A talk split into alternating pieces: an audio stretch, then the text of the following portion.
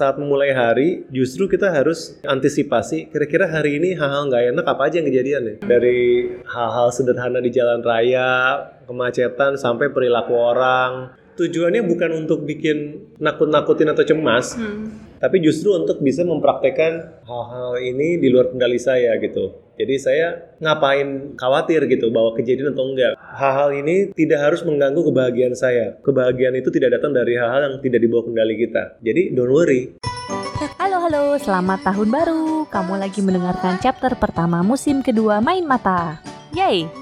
Terus apa sih yang beda di musim kedua ini? Sebenarnya sih kalau yang dibahas tetap sama kok tentang buku dan syukur-syukur gue juga tetap bisa mengundang penulis dan orang-orang yang terlibat di balik dunia perbukuan. Nah, tapi sebenarnya lewat obrolan di musim kedua ini gue pengen mengajak kalian semua dan ini ajakan untuk diri gue sendiri sebenarnya untuk lebih mengenal diri kita sendiri melalui membaca buku. Jadi maksudnya gimana tuh? Ya, bacalah buku yang memang mewakili apa yang ingin kita gali saat itu. Karena gue sih sering ngerasa kalau buku-buku yang terbit dan bagus-bagus itu banyak banget sementara waktu kita untuk membaca itu terbatas ya karena harus bagi waktu untuk bekerja dan lainnya. Jadi gue pengennya waktu yang disisihkan untuk membaca buku itu emang benar-benar untuk membaca topik yang relevan dengan pencarian gue saat itu. Dan tentu aja buku-buku maupun topik yang gue pilih di main mata pastinya sangat subjektif karena dipilih berdasarkan preferensi gue. Tapi harapannya sih apa yang gue bagi di sini bisa menjadi masukan bagi kalian. Siapa tahu kalian tertarik untuk membaca buku ini atau juga menjadi bahan renungan untuk memilih buku lain maupun topik yang memang kalian ingin cari tahu. Nah, di chapter pertama ini gue ngobrol dengan Mas Henry Manampiring. Dia adalah penulis buku Filosofi Teras. Terus kenapa dia jadi tahun pertama? Soalnya kebetulan bukunya gue yang edit dan baru banget terbit bulan November 2018 lalu. Jadi masih segar untuk dibahas. Tapi di samping itu, isi buku ini juga menurut gue cocok banget untuk jadi bahan refleksi awal tahun karena ngebahas tentang pencarian kebahagiaan dalam hidup. Waduh, kayaknya berat banget ya, tapi enggak kok. Jadi, buku filosofi teras ini ngebahas tentang aplikasi filosofi Romawi kuno bernama Stoicisme ke dalam kehidupan modern saat ini.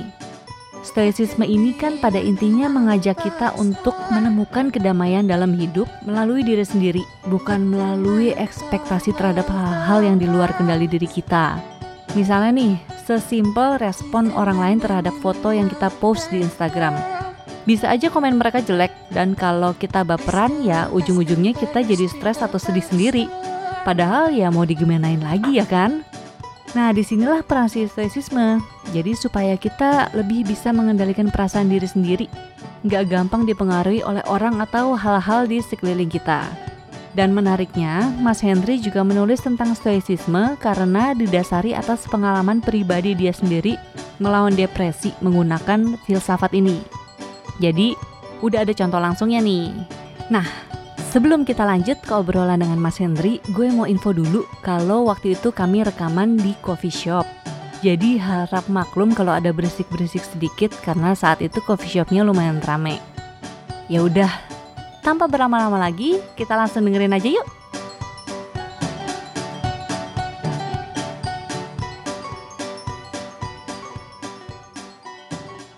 Semuanya, balik lagi di Main Mata di tahun yang baru, tahun 2019 dan di musim kedua. Nah, buat chapter pertama di musim yang baru, gue ditemenin sama seorang yang di profilnya sih tertulis praktisi periklanan dan udah menulis 5 buku.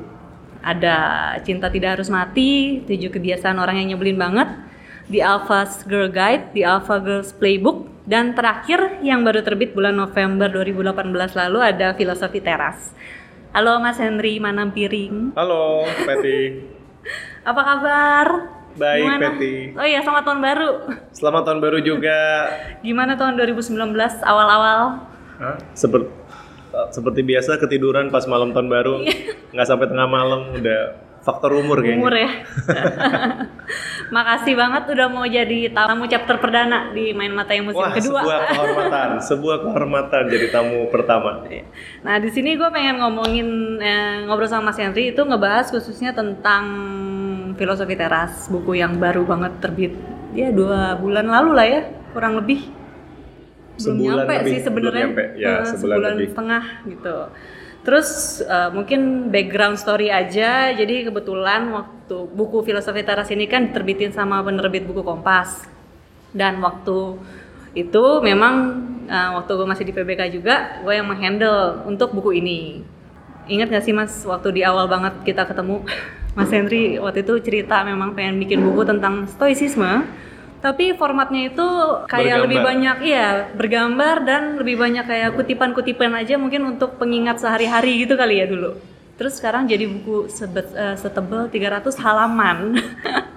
Gimana tuh kok bisa jadi berubah banget? Iya, jadi awalnya waktu belum mulai menulis buku, pikirnya saya itu, oh saya harus cari format yang menjual lah ya, yang kekinian gitu. Hmm. Dan kayaknya kalau ke toko buku sekarang, kalau ngeliat buku-buku yang digemari anak muda kok formatnya tuh harus jangan terlalu banyak kata-kata, banyak gambar cantik. Hmm.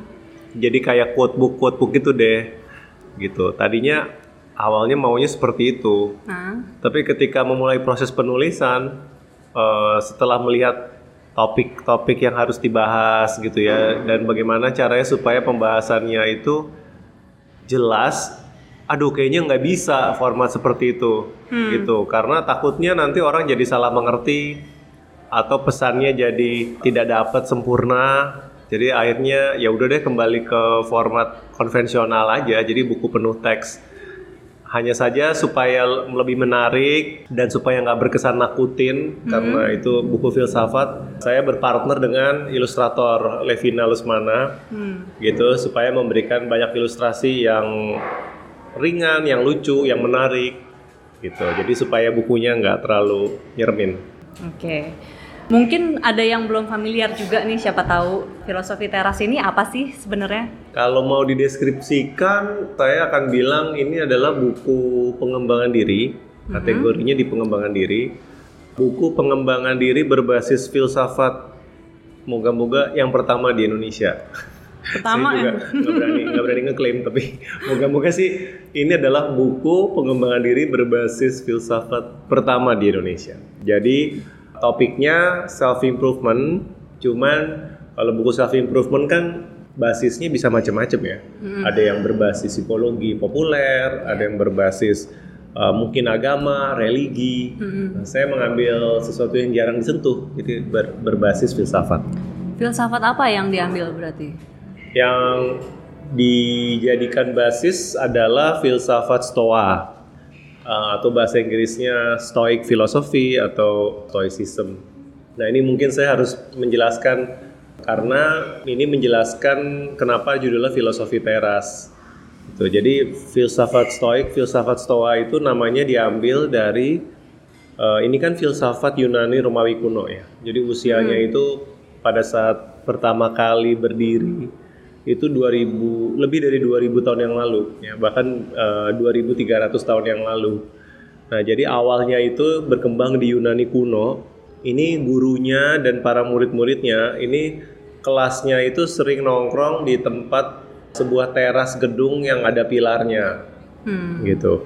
Nah, teras berpilar ini bahasa Yunaninya itu adalah Stoa Poikile. Sejak itu penganut aliran filsafat ini disebut orang-orang Stoa. Nah, kesannya keren ya kalau pakai bahasa aslinya. Padahal kalau mungkin buat orang Yunani ini cuman anak-anak teras aja, anak-anak tukang nongkrong di Iya, teras. jadi sejak itu, iya, jadi sejak itu filsafat ini dikenal sebagai filsafat Stoa atau Stoik. Dan untuk buku bahasa Indonesia supaya nggak belibet lidahnya ny- nyebutnya, saya terjemahkan aja filosofi teras. Oke, berarti ini terjemahan bebas ya dari Mas Henry sendiri. Terjemahan bebas. Tadi mikirnya mau apa ya filosofi beranda, ah, kepanjangan filosofi apa ya? Ah, udahlah teras aja lah. Oke. Gitu. Kalau nggak salah nih di setiap bukunya Mas Henry kan memang selalu diawali dengan survei ya. Eh, Nggak di- setiap nggak setiap ya. buku, tapi memang saya senang menggunakan survei juga sebagai sumber data. Oke, nah si buku Filosofi Teras ini kan juga diawali dengan survei, survei khawatir nasional Mm-mm, tahun betul. 2017 ya. Iya. Nah waktu itu kenapa memutuskan untuk membuat si survei khawatir nasional? Itu udah kepikiran buat bikin buku atau kayak iseng-iseng aja tadi? Itu idenya bukunya duluan, Oh. gitu. Jadi sudah ingin menulis buku, Hmm. kemudian em, s- saya tahu bahwa salah satu topik utama dari filsafat Stoa ini kan adalah bagaimana mengurangi emosi negatif. Hmm. Dan emosi negatif yang terutama yang sering dibahas di dalam buku-buku lamanya Stoicism itu adalah eh, rasa takut atau khawatir. Jadi saya pikir menarik nih, ada resep untuk mengatasi khawatir, takut yang sudah 2000 tahun lebih. Tapi memang kondisi orang zaman sekarang bagaimana sih? Hmm. Saya pengen tahu. Karena kan khawatirnya orang 2000 tahun yang lalu itu mungkin berbeda, mungkin sama. Hmm. Kalau zaman dulu sih mungkin takut perang gitu ya, takut penyakit, belum ada obatnya, bencana alam. Nah, jadi kalau yang sekarang tuh seperti apa? Saya bikin surveinya. Jadi surveinya saya lakukan secara online dan saya mau tahu tingkat kekhawatiran responden baik itu secara umum atau juga aspek-aspek hidup yang spesifik. Misalkan bagi yang sekolah, eh kamu khawatir gak sih soal sekolah? Bagi yang punya pasangan, Hmm. terhadap relationship bagaimana. Yang jomblo juga ditanya gitu, khawatir nggak dengan kejombloannya? Bahkan sampai konteks sosial politik bangsa.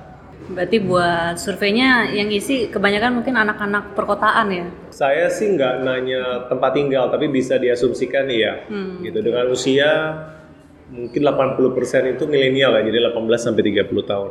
Terus waktu awal bikin survei ini seberapa deket sih Mas Henry sama si filosofi terasnya sendiri? Udah sampai mana?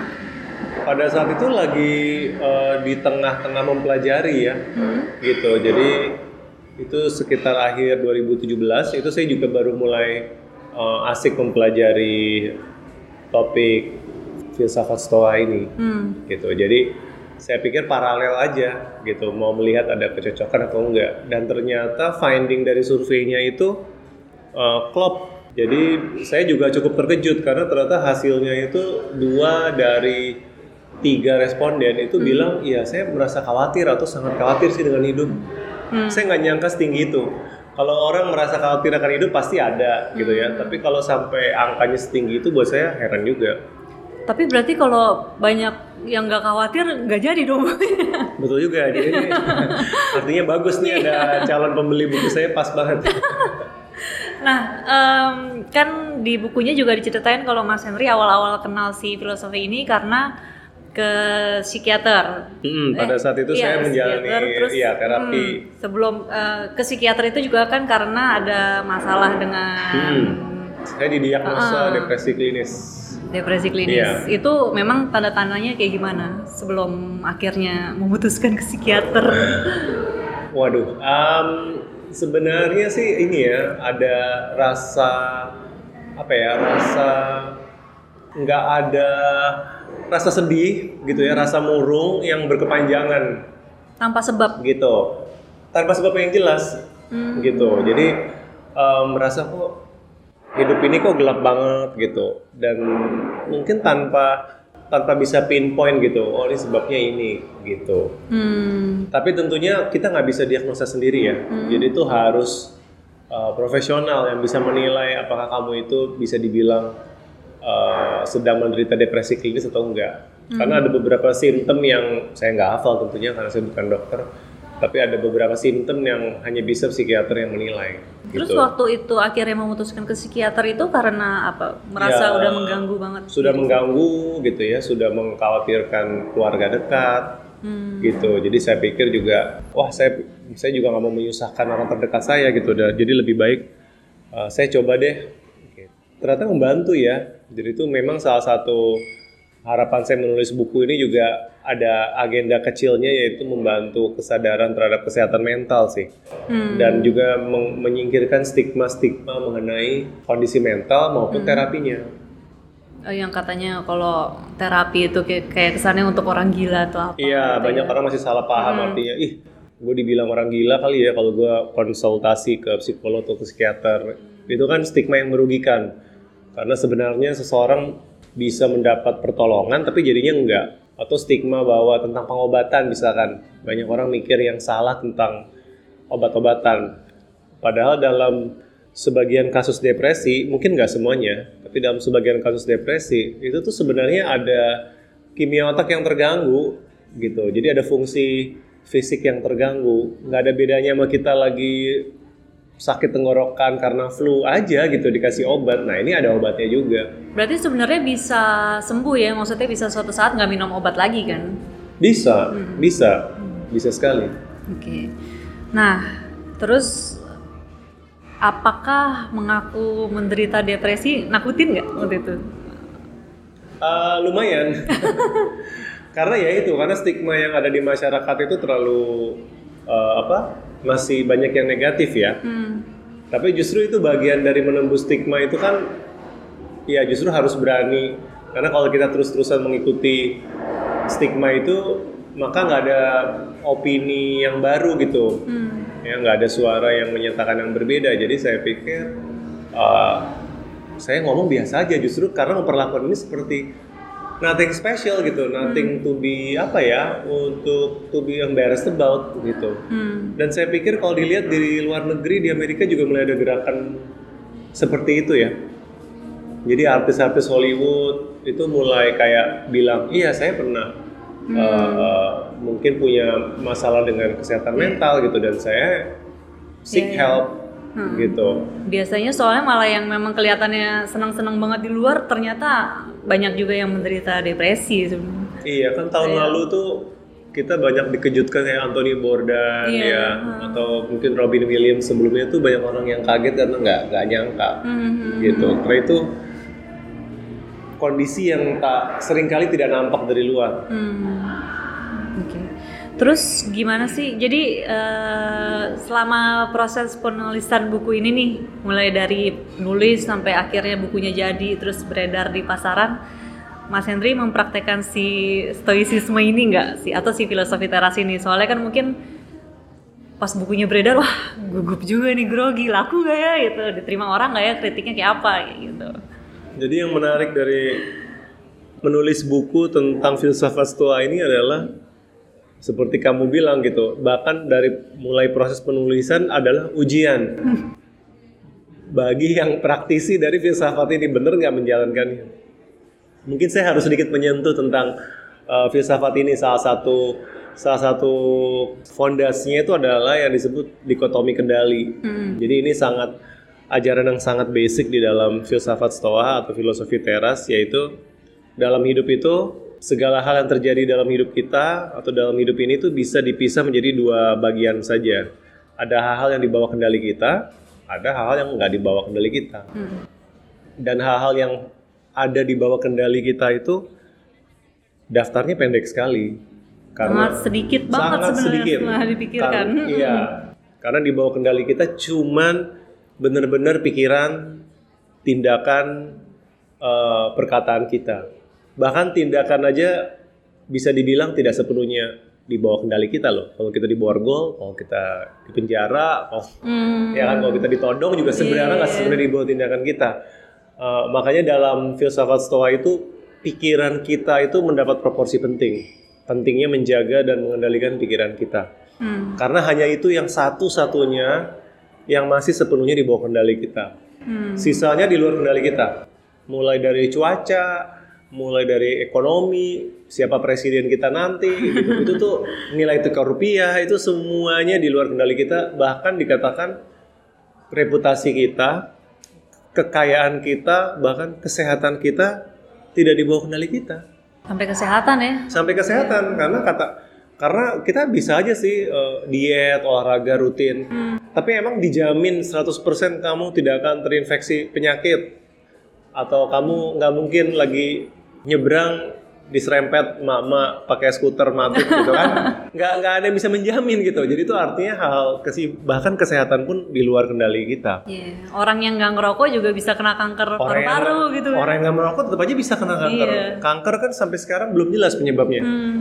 betul unhealthy lifestyle mungkin berpengaruh tapi banyak sekali yang kayak lotre gitu kayak ya udah kayak bad luck aja Iya, iya. kamu kena aja kanker gitu Itu berarti kayak ya nasib aja atau gimana tuh ya? iya iya begitulah hidup gitu. Kadang-kadang ada random kamu bilang na- nasib gitu iya iya random aja. Hmm. nggak semuanya bisa di kita kontrol atau kita influence. Nah kenapa dikotomi kendali ini penting dalam filsafat ini? Karena bagi para filsuf stoa banyak sekali sumber kekhawatiran ya, sumber kekhawatiran, ketakutan, kecemasan, marah itu tuh datangnya dari hal-hal yang di luar kendali kita. Nah ini saya kembalikan ke pertanyaan kamu tadi, bagaimana hubungannya ketika proses penulisan. Hmm. Kalau zaman dulu kan yang namanya penulis buku pasti deg-degan kayak kamu bilang kan pas meluncurkan uh, penerimaannya bagaimana laku atau enggak gitu ya. Hmm. Tapi kalau harus mempraktekkan ini, saya hanya bisa mengendalikan sampai penulisan. Sebisa mungkin saya menulis sebaik mungkin gitu ya, memperhatikan kualitasnya, memberikan input terhadap desain dan lain-lain. Hmm. Begitu masuk ke pasaran itu sudah di luar kendali saya Hmm. gitu. Kalau saya sangat memikirkan, aduh, mikirin terus ini kejual atau enggak, laku atau enggak, diterima atau enggak, saya akan stres, khawatir, cemas, gitu. Tapi deg-degan nggak tetap? Ha- Tetap ada dong, Tetap namanya ya. manusia pasti deg-degan. Tapi ya, saya bisa memanage ikhlas gitu. Udah, this is the best I can do. Respon itu udah nggak dibawa kendali saya. Kebetulan ternyata penerimaannya baik karena buku ini dalam satu bulan sudah cetak ulang dua kali. Ya. Terus cuman paling sempat apa? Aku jadi sempat iseng-iseng baca review orang di Goodreads gitu. Terus ada yang apa lucu juga ada yang komen nggak biasa juga nih baca rata kiri biasanya kiri kanan gitu. ada yang merhatiin juga detailnya. Astaga sampai inden itunya. Iya, itu lucu Oh, sih oh, sedih banget. asli. Terus eh, apa balik lagi ke si dikotomi kendali. Terus tadi hubungannya dengan ya mungkin ya udah namanya nasib gitu ya. Di dalam si buku filosofi teras ini kan juga ada ya yang namanya amor fati ya. Itu kan kurang lebih mencintai nasib.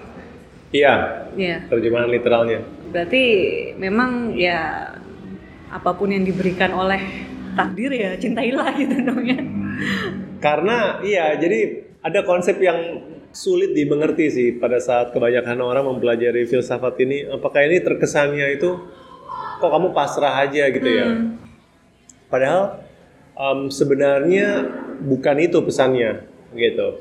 Yang yang mau disampaikan itu sebenarnya dengan amor fati itu adalah hidupmu sampai detik ini, persis detik ini yang masih berjalan itu sudah sudah terjadi gitu dan kejadiannya itu eh, apa ya banyak faktor yang sudah menuju peristiwa ini.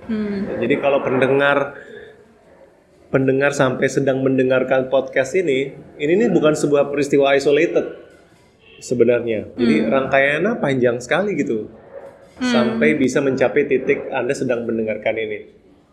Nah, peristiwa present time ini mau itu jelek, mau itu bagus, itu tuh karena rangkaiannya sudah panjang, ya nggak perlu apa ya. Kalau pas negatif, kalau positif sih ya nggak apa-apa dinikmati.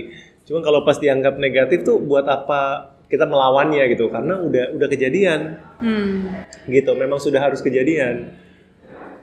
Pilihannya mau kita meratap-ratap, kalau nggak enak, peristiwanya juga nggak berubah, kita nggak bisa mengubah masa lalu dan masa kini, atau kita bisa menerima dengan tenang, dengan legowo sambil mencari tahu saya bisa menarik apa ya dari peristiwa ini. Hmm. Sementara masa depan itu kan masih misteri. Dari itu yang bisa masih bisa kita coba kerjakan, apa kita coba capai. Hmm. Tapi hidup dari masa lalu sampai detik ini sudah udah kejadian. Mau diapain lagi juga nggak Mau bisa. diapain lagi gitu. Jadi ada saya suka metafor yang digunakan di filsafat ini adalah bayangkan uh, apa seekor anjing yang terikat di sebuah gerobak dan gerobak itu bergerak. Anjing ini punya dua pilihan gitu. Dia bisa melawan arah padahal dia udah terikat di gerobak. Ya good luck gitu karena dia akan kecekek, dia akan sakit lehernya gitu. Dan tetap aja dia keseret sama gerobak itu gitu.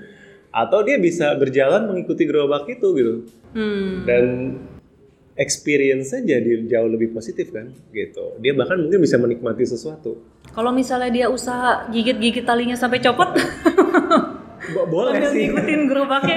sambil ngikutin Yang penting usaha dulu gitu.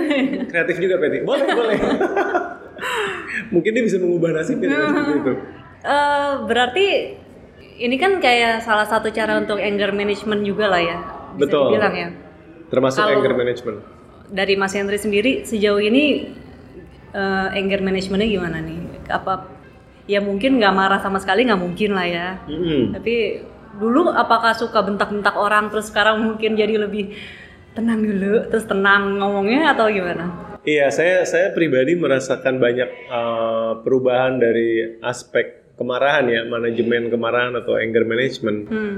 Uh, yang paling gampang deh, yang yang saya kutip di buku tuh marah-marah di jalan, gitu ya. Saya dulu kalau terjebak macet, mau nyetir sendiri kek, mau disetirin naik taksi kek, pasti marah-marah kalau macet. Gitu. marah-marahnya ke supir taksinya gitu Enggak, enggak, marah-marah ke diri sendiri aja gitu. oh Cuman marah-marah, ngomel, marah-marah itu tuh bisa mengganggu kalau di mobil tuh lagi ada istri saya misalkan dia sampai terganggu hmm. gitu karena jadinya eh, temperamental dan kalau nyetir kalau lagi nyetir sendiri malah bahaya kan kalau Jadi ugal-ugalan ah, juga ya? jadi rasanya tuh pengen nafsu dan ugal-ugalan gitu Hmm. Terus sudah saya coba mempraktikkan filosofi teras ini jadi lebih tenang karena macet ini di luar kendali saya Hmm. saya marah-marah tidak bisa mengubah situasi. Untuk apa gitu?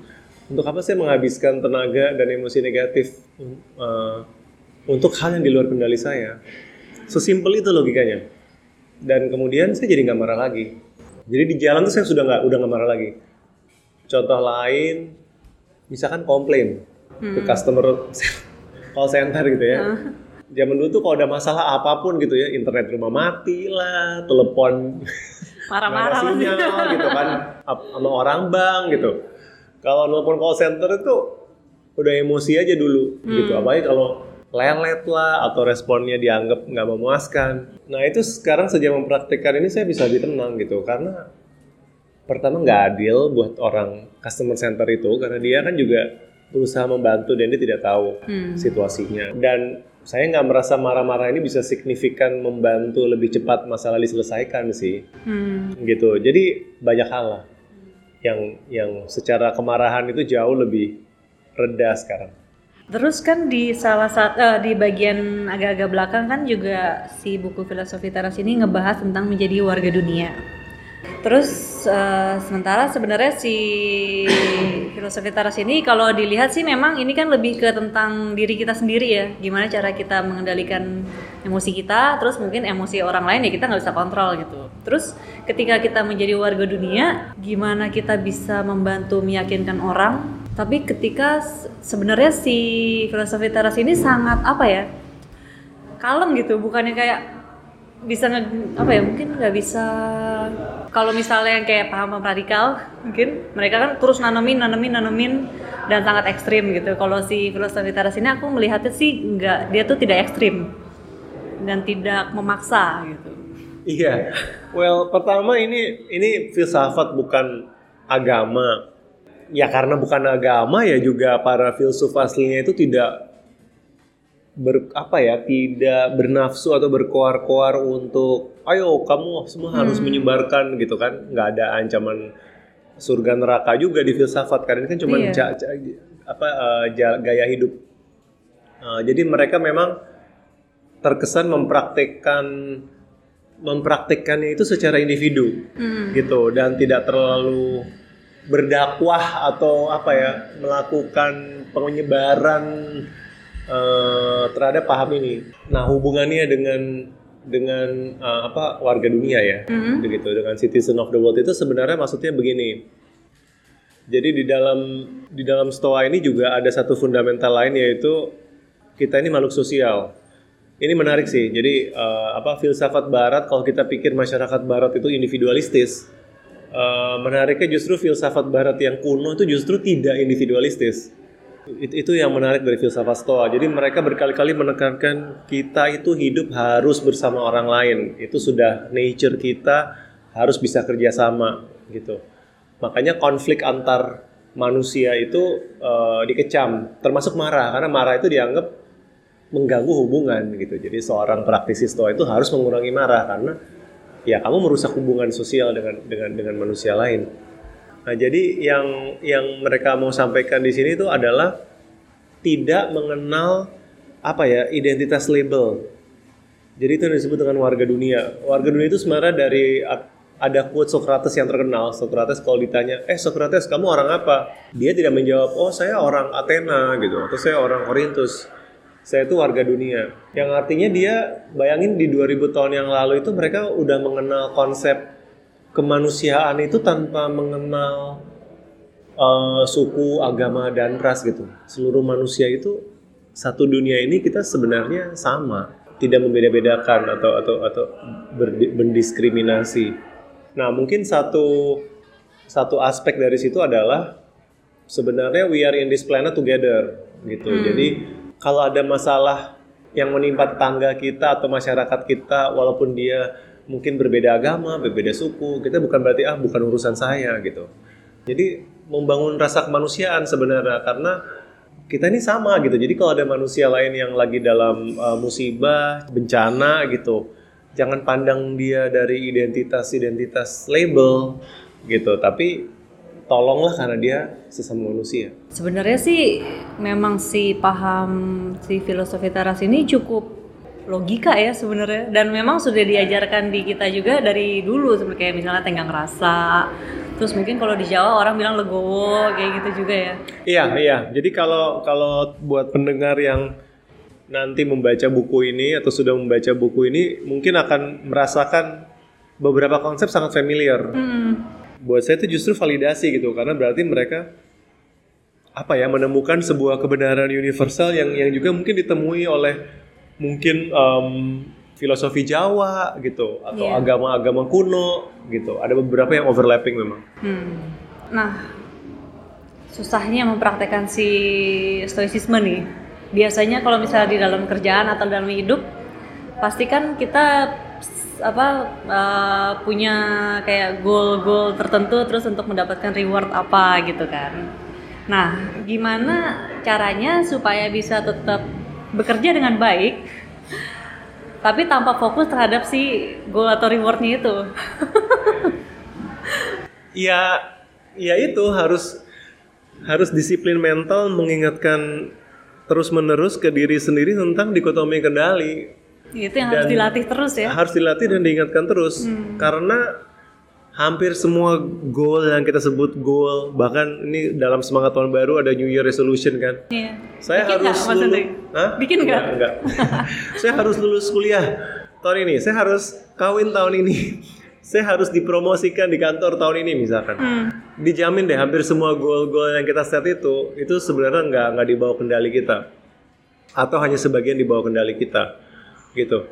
Nah, jadi bukannya berarti kita apatis terus pasrah saja, uh, tetapi sadari bahwa outcome-nya itu bisa jadi tidak dibawa kendali kita. Dan itu berarti juga kalau kejadian ya bersyukur dan happy, tapi kalau nggak kejadian itu juga jangan mengutuki diri gitu, karena memang memang banyak faktor. Hmm. Satu satu metafor yang sering yang saya baca di pas mempelajari filsafat ini adalah pada saat kamu memanah, pilihlah ini quote ya. Saat kamu memanah, pilihlah untuk mengenai sasaran tapi jangan mengharapkan kena sasaran. Kayak hmm. bingung gak tuh? Hmm, Bahasanya bahasa ya? bahasa dalam banget kan Maksudnya kayak apa sih ini gitu iya kayak teka-teki Da Vinci Code gitu. Jadi saya ulang ya, saat memanah pilihlah untuk mengenai sasaran, tapi jangan berharap mengenai sasaran. Ini buat saya dalam sih. Karena begini, memilih mengenai sasaran artinya ya kamu kerjakan sebaik-baiknya kamu sebagai seorang yang memanah. Iya kan? Jadi iya. apa uh, kamu mengarahkan sasaran, kamu bidik dengan seksama, kamu tarik busur kamu dengan tenaga yang sesuai dengan jarak sasaran gitu. Apa pun yang bisa kamu kendalikan. Hmm. Tetapi jangan berharap terlalu banyak bahwa dia akan kena. Kenapa? Karena begitu panah dilepas, tiba-tiba ada faktor-faktor lain. Angin gitu ya. Angin yang berubah gitu kan. Tiba-tiba ada burung terbang hmm. nabrak panahnya. Kita tuh banyak sekali faktor sejak panahnya dilepas. Nah, maksudnya ada begini, berbahagialah dengan effort yang bisa kita kendalikan gitu. Jadi kalau kita sudah memanah sebaik mungkin, kamu sudah harus bisa berbahagia. Wah, saya sudah. Teknik sebaik-baiknya gitu. Tapi jangan menggantungkan kebahagiaan kamu di panahnya kena sasaran. Karena begitu nggak kena, kamu nggak happy. Nah itulah sumber ketidakbahagiaan. Karena kita kita kaitkan ke hal yang kita nggak bisa kendalikan. Nah dalam konteks sehari-hari, saya kerja di kantor, berharap dipromot. Harusnya kita fokus saya mengerjakan pekerjaan sebaik-baiknya seprofesional mungkin gitu. Dan pada saat saya sudah melakukan itu saya bisa cukup happy gitu. Tapi jangan berkata saya baru bahagia kalau saya dipromosikan. Iya. Karena faktor di belakang promosi itu banyak sekali. Bukan cuman kinerja kita loh. Iya kan? Iya sih, Bisa jadi kantornya bisnisnya lagi jelek atau baik. Atau kita sudah bekerja bagus, ada karyawan lain yang jauh lebih bagus. Hmm. Atau bisa aja bos kita sentimen aja subjektif nggak suka sama kita kan banyak tuh kejadian. Iya bisa. Kalau saya baru nunggu bahagia sesudah saya dipromosikan, ini yang kata para filsuf stoa, kamu akan terombang ambing. Soalnya kamu menyerahkan kebahagiaan kamu tuh nunggu faktor lain. Hmm. Tapi kalau kamu bisa, saya udah kerja sebaik mungkin menurut saya, saya udah belajar, ya sudah gitu. Eh, hasilnya, terlepas dari hasilnya, saya sudah menurut saya sudah bekerja sebaik mungkin. Nah berbahagialah di situ. Nah itu ra- rahasia menuju lebih tenang atau lebih bahagia dalam mengejar goal. Yang penting berarti nikmati prosesnya ya. Soalnya Nikmati ya prosesnya. experience apa pengalamannya ya memang didapatkan dari proses bikinnya bukan mungkin bukan goalnya. Betul, Gitu ya. betul. Jadi fokus on the effort, tapi terimalah outcome-nya seperti apa. Eh, di buku ini kan Mas Hendri juga mewawancara beberapa orang. Itu pemilihannya berdasarkan apa dari mereka? Uh, dari Ada- bidang keahlian, Mm-mm. gitu. Sama juga dari observasi. Hmm. Jadi kalau uh, Dr. Andri adalah seorang psikiater, Astrid adalah psikolog pendidikan, Hmm. kemudian ada Wiwit itu psikolog klinis. Itu saya pilih karena mereka mewakili bidang yang menurut saya relevan. Itu karena saya mau tahu relevansi ajaran filsafat ini dengan sudut pandang psikologi atau kesehatan mental. Jadi validasi juga ya. Iya, untuk melihat dia masih relevan atau enggak atau masih eh, benar cocok atau enggak di masa sekarang. Sementara interview saya dengan Kania dan Lia Salsabila itu didasarkan dari pengamatan perilaku mereka, khususnya di media sosial.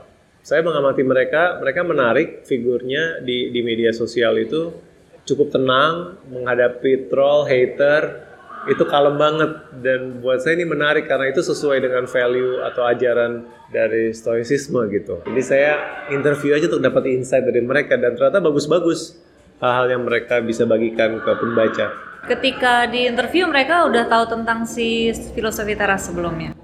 Kalau Lia sudah membaca buku Meditations, jadi lumayan dia udah baca teks aslinya. Kalau kalau Kania nggak baru dengar-dengar aja, Oh, jadi dia nggak tahu detail.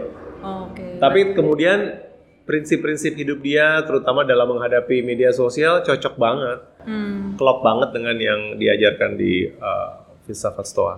Kalau buat Mas Hendri sendiri, manfaat utama setelah menjalani si filosofi teras ini sekian lama, ada nggak dampak yang paling utama deh?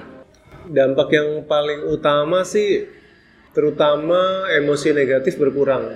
Jadi ini saya rasa yang membedakan dari banyak apa ya banyak self help lain kali ya. Kan banyak sekali self help itu mengajarkan eh, bahagia gitu kan eh, sukses senang gitu.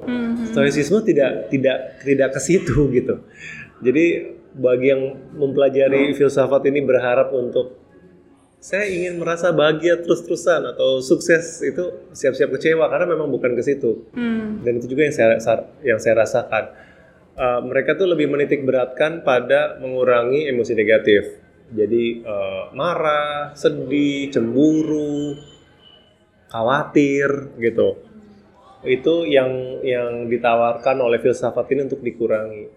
Jadi dan itu juga yang saya rasakan sekarang. Hmm. Jadi apakah saya lebih happy? Saya nggak tahu ya. Tapi yang pasti saya nggak nggak nggak cepat cemas lagi, nggak cepat marah-marah lagi, gitu. Lebih lebih tenang. Nah itu yang saya rasakan. Kan di dalam juga disebut ya kayak persiapkan yang terburuk ya setiap hari. Ketika bangun pagi, eh, ya mungkin pikirkan kemungkinan terburuk supaya nanti kalau yang terburuk gak terjadi, jadi kita lebih tenang gitu juga. Iya itu yang itu yang saya suka karena antitesisnya positive thinking kan. Iya. Kalau positive thinking kan, ya lo pikirin aja apa yang positif yang mungkin terjadi. Lo jangan bikin stres sendiri. Nah ini yang bikin kaget bagi banyak orang pas mem- mempelajari stoicism tuh adalah kita disuruh negative thinking gitu ya nama prakteknya tuh dalam bahasa latinnya tuh premeditatio malorum atau premeditate evil bahasa Inggrisnya. Atau ya ber berprasangka negatif kalau saya boleh ter- coba terjemahkan ke bahasa Indonesia. Jadi dikatakan saat memulai hari justru kita harus mulai antisipasi kira-kira hari ini hal-hal nggak enak apa aja yang kejadian ya? Dari awal hari sampai ujung hari gitu.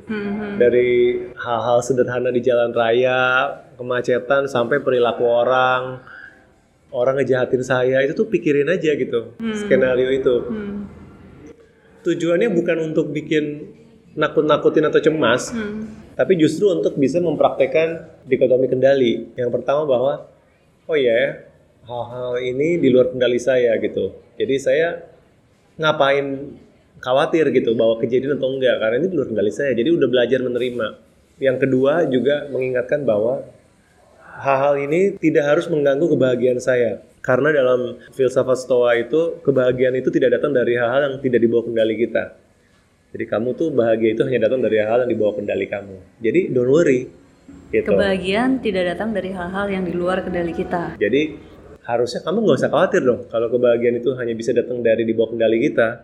Bahkan kita udah mikirin hari ini klien marah, jalan macet, telat meeting, sebagainya.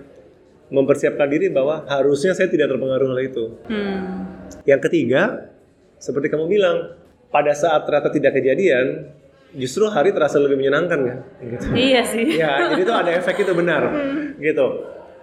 Wah, ini kerjaan ini pasti nanti kliennya marah-marah. Eh, ternyata kliennya happy. Yeay, gitu kan lebih senang.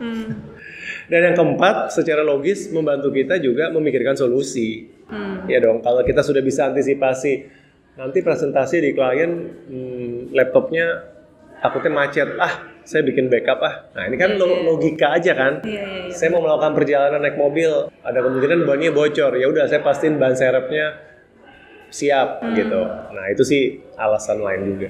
Jadi tidak ada salahnya memikirkan hal negatif justru. Iya bener sih, jadi bersiap ya malah ya. Ah. Gitu.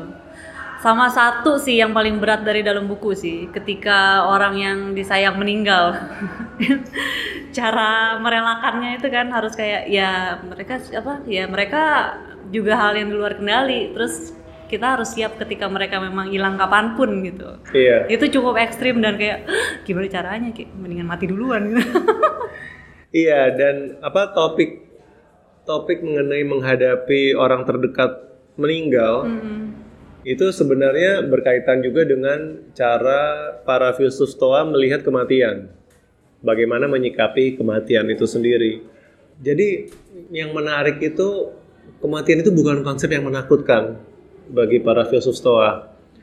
Eh, mereka tidak mengenal konsep ditakut-takutin masuk neraka gitu nggak ada. Jadi memang dalam em, para kaum Stoa itu kematian itu adalah akhir, udah Hmm. gitu. Kalau sudah akhir, kamu nggak ngerasa apa-apa lagi, apa yang mau ditakutkan? Dan mereka bahkan menyamakan situasi mati itu sama dengan kondisi kita belum lahir. Nggak tahu apa-apa ya. Iya, mereka bilang, coba, kamu sebelum lahir, inget nggak ngerasain sesuatu nggak?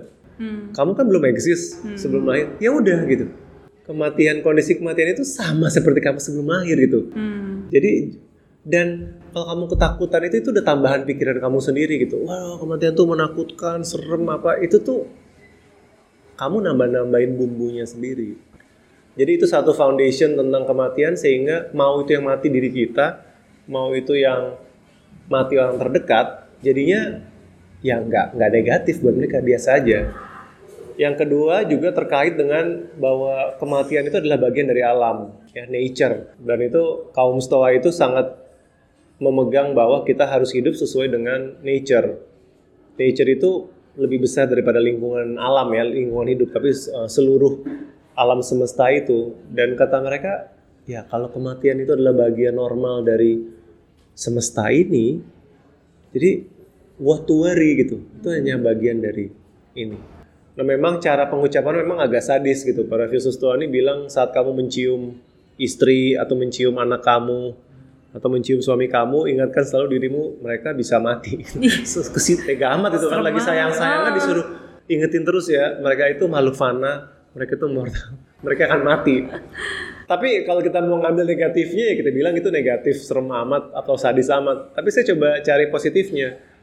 Justru kita harus cherish our time ketika mereka masih hidup. Seringkali kita take people for granted kan orang sekitar kita. Nanti pada saat udah meninggal baru nyesel. Iya. Saya iya. pikir ini ajaran yang positif karena bapak kamu masih hidup, ibu kamu masih hidup, anak kamu masih hidup. Dan saat kamu bersama mereka, cherish gitu. Ini harta karun the present itu tuh cherish gitu. Jangan sibuk main HP gitu atau sibuk mikirin yang lain gitu. Nikmati waktu bersama orang-orang yang kamu sayangi karena mereka makhluk fana, besok mungkin nggak ada. Iya sih, iya memang susahnya nerima si konsep kehilangannya itu sih ketika Iya. udah nggak adanya itu mungkin. Dan juga ini ya mungkin kayak kearifan lokal juga ya kayak ya nikmati waktu bersama keluarga segala macam kan juga udah diajarin dari dulu ya atau di Hmm. apa ditanamkan lah gitu di otak dari dulu. Atau kadang-kadang kita secara fisik bersama orang kita sayangi tapi otak kita nggak bersama mereka. Hmm, hmm. Ya kan? Iya benar. Kalau sekarang lagi ada proyek apa yang berhubungan dengan nulis? Boleh ceritain nggak? Eh, ambisi saya itu mau menulis fiksi karena saya udah eh, dengan filosofi teras ini adalah buku kelima saya dan lima limanya non fiksi. Rasanya sebagai penulis tuh tergelitik untuk mencoba bisa nggak sih nulis fiksi? Udah lama pengen nulis fiksi apa? Udah udah lama. Oh, Sebenarnya cita-cita ini tuh bahkan dari tahun 2015 kali sudah ada. Jadi tadinya tuh sesudah menulis buku terakhir saya kan Alpha Alpha uh, Girls Guide itu, tadinya saya pikir buku sesudah itu adalah fiksi. Saya Mm. pikir saya udah punya konsep ceritanya di kepala saya. Hmm. Eh tapi tiba-tiba topik filsafat stoa ini nyelak gitu kan, nyelak antrian. Nggak apa-apa gitu. jadi saya masih merasa berhutang itu sih. Gitu. Fiksi ya? Ah, jadi berharap saya bisa menulis cerita fiksi pertama saya. Caranya tahun ini mau ditulis. Aduh doakan aja, semoga semoga. Oke, terakhir nih sekarang. Bisa rekomendasiin nggak mungkin film atau buku yang berhubungan sama filosofi teras buat kalau si buku filosofi teras ini kan bisa dibilangnya kayak pengantar ya. Iya. untuk nanti kalau ada yang mau pelajari tentang si filosofi teras ini lebih lanjut gitu. Dan mungkin karena belum ada buku yang membahas si filsafat ini dalam versi Indonesia mungkin bisa dalam bentuk film atau dalam bentuk buku luar Yang saya sayangkan tuh belum banyak sumber mengenai filsafat stoa dalam bahasa Indonesia Hmm. gitu dan itu juga satu motivasi kenapa saya menulis buku ini supaya ada ada sumber dalam bahasa Indonesia. Jadi seperti kamu bilang ini buku ini memang sifatnya intro ya, appetizer gitu. Dan dia bukan bukan buku akademis lah. Jadi bagi para pembaca yang sudah membaca filosofi teras dan mau tertarik menggali lebih dalam, memang berikutnya adalah buku-buku teks asli ataupun buku teks asli itu maksudnya yang ditulis oleh para filsuf Stoa yang udah ribuan tahun ini atau buku-buku kontemporer mengenai topik stoicism. Sayangnya semuanya masih dalam bahasa Inggris sumber yang paling dekat. Yang bisa saya rekomendasikan itu kalau teks asli itu adalah tulisannya Epictetus yang berjudul Enchiridion atau The Handbook. Itu bukunya pendek, tapi itu kayak namanya makanya diterjemahkannya The Handbook gitu karena seperti buku manual. Nah itu me- mencakup intisari dari ajaran uh, Stoicism. Hmm. Kemudian buku buku lain dari Epictetus adalah Discourses bisa di Google oleh Epictetus. Itu sebenarnya buku itu menarik karena bu Epictetus itu tidak pernah menulis buku sebenarnya. Oh. Jadi itu adalah catatan kuliah dari muridnya yang bernama Aryan. Jadi pada saat dia mengajar ada seorang muridnya biasalah kalau di setiap kuliah kan ada aja mahasiswa teladan Rajin yang nyatet Iya, ya. yang nyatet ra- rajinnya nyatet gitu rajin nyatet gitu dari 2000 tahun lalu udah ada gitu yang mahasiswa carmuk ini catatannya itu bagus gitu jadi dia dia mencatat kata-kata uh, gurunya itu dan sekarang masih bisa kita nikmati kalau bukan karena mahasiswa kerajinan ini kita mungkin hilang uh, Berarti harus banyak mahasiswa carmuk Iya. di kampus. Jadi uh, Enchiridion dan Discourses oleh Epictetus saya rekomendasikan. Kemudian Meditations oleh Marcus Aurelius. Marcus Aurelius adalah salah satu kaisar Romawi dan dia dikenal sebagai satu dari lima kaisar yang baik hati Hmm. gitu karena kaisar Roma banyak banget yang brengsek Iya, gitu ya, yang jahat-jahat, jahat dan ha. zalim tapi ada lima kaisar yang dibilang lima kaisar baik hati dia adalah kaisar terakhir Hmm. dari lima kaisar yang baik hati itu ini juga lucu karena dia sebenarnya tidak berniat menulis buku buat dipublikasikan Hmm. jadi Marcus Aurelius itu sekarang kan ada yang bahasa kerennya journaling Oh, lagi iya. ngetren kan journaling udah dari zaman dulu udah ada bukan sekarang aja Dia kayak nulis diary aja setiap gitu malam ya. dia journaling. Setiap malam dia journaling menulis untuk dirinya sendiri. Somehow catatannya dia itu kemudian terpreserve eh, dan kemudian akhirnya bisa bertahan ya. Namanya jalannya takdir nasib itu dia jalannya ber, apa eh, akhirnya bertahan dan bisa diterbitkan. Itu juga bagus. Cuman karena dia sifatnya diary, jadi memang ngebacanya itu kayak nggak nyambung gitu. Nggak nggak apa ya nggak kayak baca buku yang ditulis dari awal sampai akhir karena dia kan tuh jurnal ya. Hmm. dan itu isinya menarik karena dia sering marahin dirinya sendiri. Oh gitu. iya iya iya. Jadi tuh dia memarahi dirinya sendiri ketika dia beremosi negatif ketika dia marah kecewa sama manusia lain. Itu dia menegur dirinya sendiri. Sebenarnya bisa buat jadi refleksi orang juga ya mungkin Iya. yang baca ya. iya bagus sekali bagus sekali. Dan konon meditations ini uh, dibaca oleh Nelson Mandela dibaca rutin oleh Bill Clinton gitu. Banyak tokoh-tokoh uh, ternama yang membaca buku ini. Yang ketiga dari teks asli eh sorry yang keempat dari teks asli adalah yang namanya letters from a stoic surat-surat uh, dari filsuf stoa Romawi yang bernama Seneca. Itu kumpulan surat. Jadi dia rutin menulis surat ke sahabatnya. Tapi yang menarik ya walaupun itu bentuknya kumpulan surat itu kayak model mungkin habis gelap terbit terang gitu kali ya kumpulan surat. Tapi dalam surat-surat itu ada pengajaran uh, stoicisme nah itu kalau teks asli kalau buku kontemporer yang paling gampang dan ini masih ada di toko-toko buku di ya apa yang saya lihat di Jakarta sih ada uh, How to be a Stoic oleh Massimo Pigliucci. Hmm. Itu buku pertama yang memperkenalkan saya ke stoicisme. Kalau ini praktisi ya dia. Dia dia profesor filsafat, ya profesor filsafat dari New York uh, dan juga praktisi juga. Hmm. Untuk sumber di luar buku, sebenarnya kalau kita search di YouTube, itu udah banyak sih video-video singkat yang membahas tentang uh, stoicisme. Lagi-lagi masih dalam bahasa Inggris sayangnya. Kalau film ada nggak? Saya kayaknya pernah membaca di apa uh, diskusi di di Facebook group ada yang nyebut film Shawshank Redemption. Jadi dia orang yang Iya, setahu saya dia innocent. Dia innocent tapi saya lupa dia difitnah atau bagaimana dan dia menjalani hukuman penjara puluhan tahun gitu. Dan kamu melihat sosok itu diperlakukan tidak adil tapi amor fati itu dia ya udah dia mencintai nasibnya dan dia melakukan sebaik-baiknya hidup di dalam penjara. Sampai dia menjadi kekuatan yang positif gitu bagi teman-teman sesama narapidana yang lain. Kayak Nelson Mandela juga ya. Iya iya iya. Di satu sisi kalau tokoh yang apa tokoh historisnya ya Nelson Mandela. Ya udah eh, segitu dulu obrolannya. Terus oh iya Mas mungkin bisa dikasih tahu kalau mau beli buku filosofi teras bisa lewat mana? Oh ya buku filosofi teras sudah tersedia di toko buku di kota kamu dan kalau yang kesulitan menemukan di toko buku fisik bisa juga ngecek all shop sebenarnya. Oh iya. Karena- Iya, karena ternyata sudah banyak sekali uh, reseller ya yang menjual buku itu di uh, saluran all shop. Baiklah, terima kasih lagi Mas Henry udah mau sharing. Terima kasih Peti ngobrol-ngobrolnya. Sama-sama. Eh, jangan lupa dengerin juga segmen-segmen Potluck Podcast yang lain. Kalau mau tahu update-nya langsung follow aja Instagramnya di @potluckpodcast P O D L U C K ya. Dadah.